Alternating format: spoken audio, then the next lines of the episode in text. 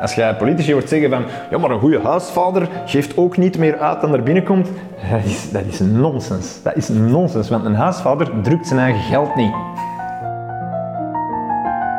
Ik ben naar de woestijn gereden, waar er een, in het midden van die grote zandbak stond er een agent een imaginaire rode lijn op de weg te bewaken.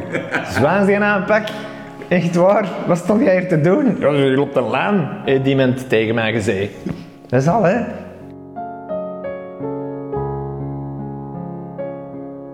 Ik heb handelsingenieur gestudeerd, economie. En daar kregen wij vrijdagochtend uh, les algemene economie.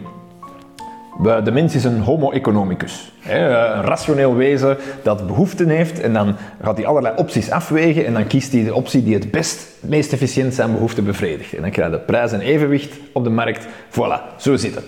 Dan krijg je dinsdag van 10 tot 12 marketing. De mens is een emotioneel wezen en je kunt behoeftes creëren gewoon door daar genoeg op in te spelen, op, op de, de vijf P's van de marketing. En, en, ja, maar wat is het nu? Zijn we een rationeel wezen of een emotioneel wezen? De politiek reageert volgens A, maar de meest succesvolle business in de wereld, reclame, totaal niet. Hè? Dus ze komt er dan eens even over uit. Ik vond het wel wijs om te lezen dat je geld hebt kwijtgespeeld met BNP Paribas. Veel, veel geld. dat schetst zo van de, context. Als jij dan nu, als ik nu een mop bekijk van u over de bankencrisis, dan denk ik skin in the game. ja, vol, ja, vol een bak. Maar ja, ook, ik heb hier gestudeerd, dus mijn vrienden zijn bankiers en managers en zo. Hè. Ah ja. Dus, uh... Vroeger, mijn vrienden zijn Marokkaan en dat is vandaag de dag. ja, dat is juist. Ja, maar ja, ik kon ook al eens naar een, een bakker in, uh, in Braschaat. Hey, uh, ik ken dat volk.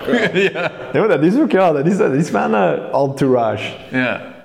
Daarom voel ik mij ook perfect gelegitimeerd om erover te spreken. Erger nog, en zeker toen in de tijd van die shows, ik heb hier ook gespeeld voor, op KBC en zo. Hè. Je hebt me uitgenodigd. Zeg, je hebt mijn show gezien, toch? Weet toch? Ik heb dat al gedaan. En uh, ik heb me achteraf regelmatig gehad. Mensen die zo in de foyer van, ja, ik, ja, ja, ik werk zelf in, in banking, private banking, corporate banking systemen. En ik moet wel zeggen, ja, wat je erover zegt, dat klopt wel. ik denk, ik wou deze niet horen eigenlijk, dat je zegt dat het ook klopt. Maar wederom daar, dat is zo, is een beetje gelijk politiek ook. Zo. Wij hopen gewoon keihard dat die mensen weten waar ze mee bezig zijn, omdat wij het niet weten. Dus wij moeten heel hard geloven dat iemand toch wel weet waar het mee bezig is. Er staat toch iemand wel aan het roer van die Titanic. Maar hoe ouder ik word, hè? En ik denk op een gegeven moment worden volwassen en volwassen worden is niet uh, het weten, maar gewoon stoppen met jezelf vragen te stellen. Ik denk dat dat een beetje de klik is. En gewoon ervan uitgaan ah ja, kom, we gaan gewoon doen alsof dat dit het is. We spreken dat met z'n allen af. Zie je een God hierboven en zo, kom. Want anders, anders wordt het zot, hè. Als je normale mensen die zich continu elke dag afvraagt van, is dat allemaal wel zo? Je wordt zot. Of comedian. We hebben onlangs Jonathan Holslag geïnterviewd en hij zei zijn argument was, eigenlijk weten mensen zelf al heel goed wat dat werkt, wat dat niet werkt, wat dat klopt, wat dat niet klopt. Dat je buikgevoel eigenlijk meestal wel juist is. Als je elke dag in de file staat en van, van 7 uur s ochtends tot 9 uur s avonds weg van huis en je kinderen maar 5 minuten ziet, als je eigenlijk niet naar het nieuws kijkt en je informeert je niet, maar je luistert gewoon naar je buikgevoel, dat je zegt van ja, deze kan niet kloppen. En meer dan dat heb je niet nodig om op straat te komen. Dat is inderdaad, dus dat is, dat is een beetje de essentie van wat anarchie zou... Dus niet de anarchie van oh, buskotjes afbreken, maar de anarchie van een niet-glad systeem, waar dat, dat in de optimistische visie tot zou leiden.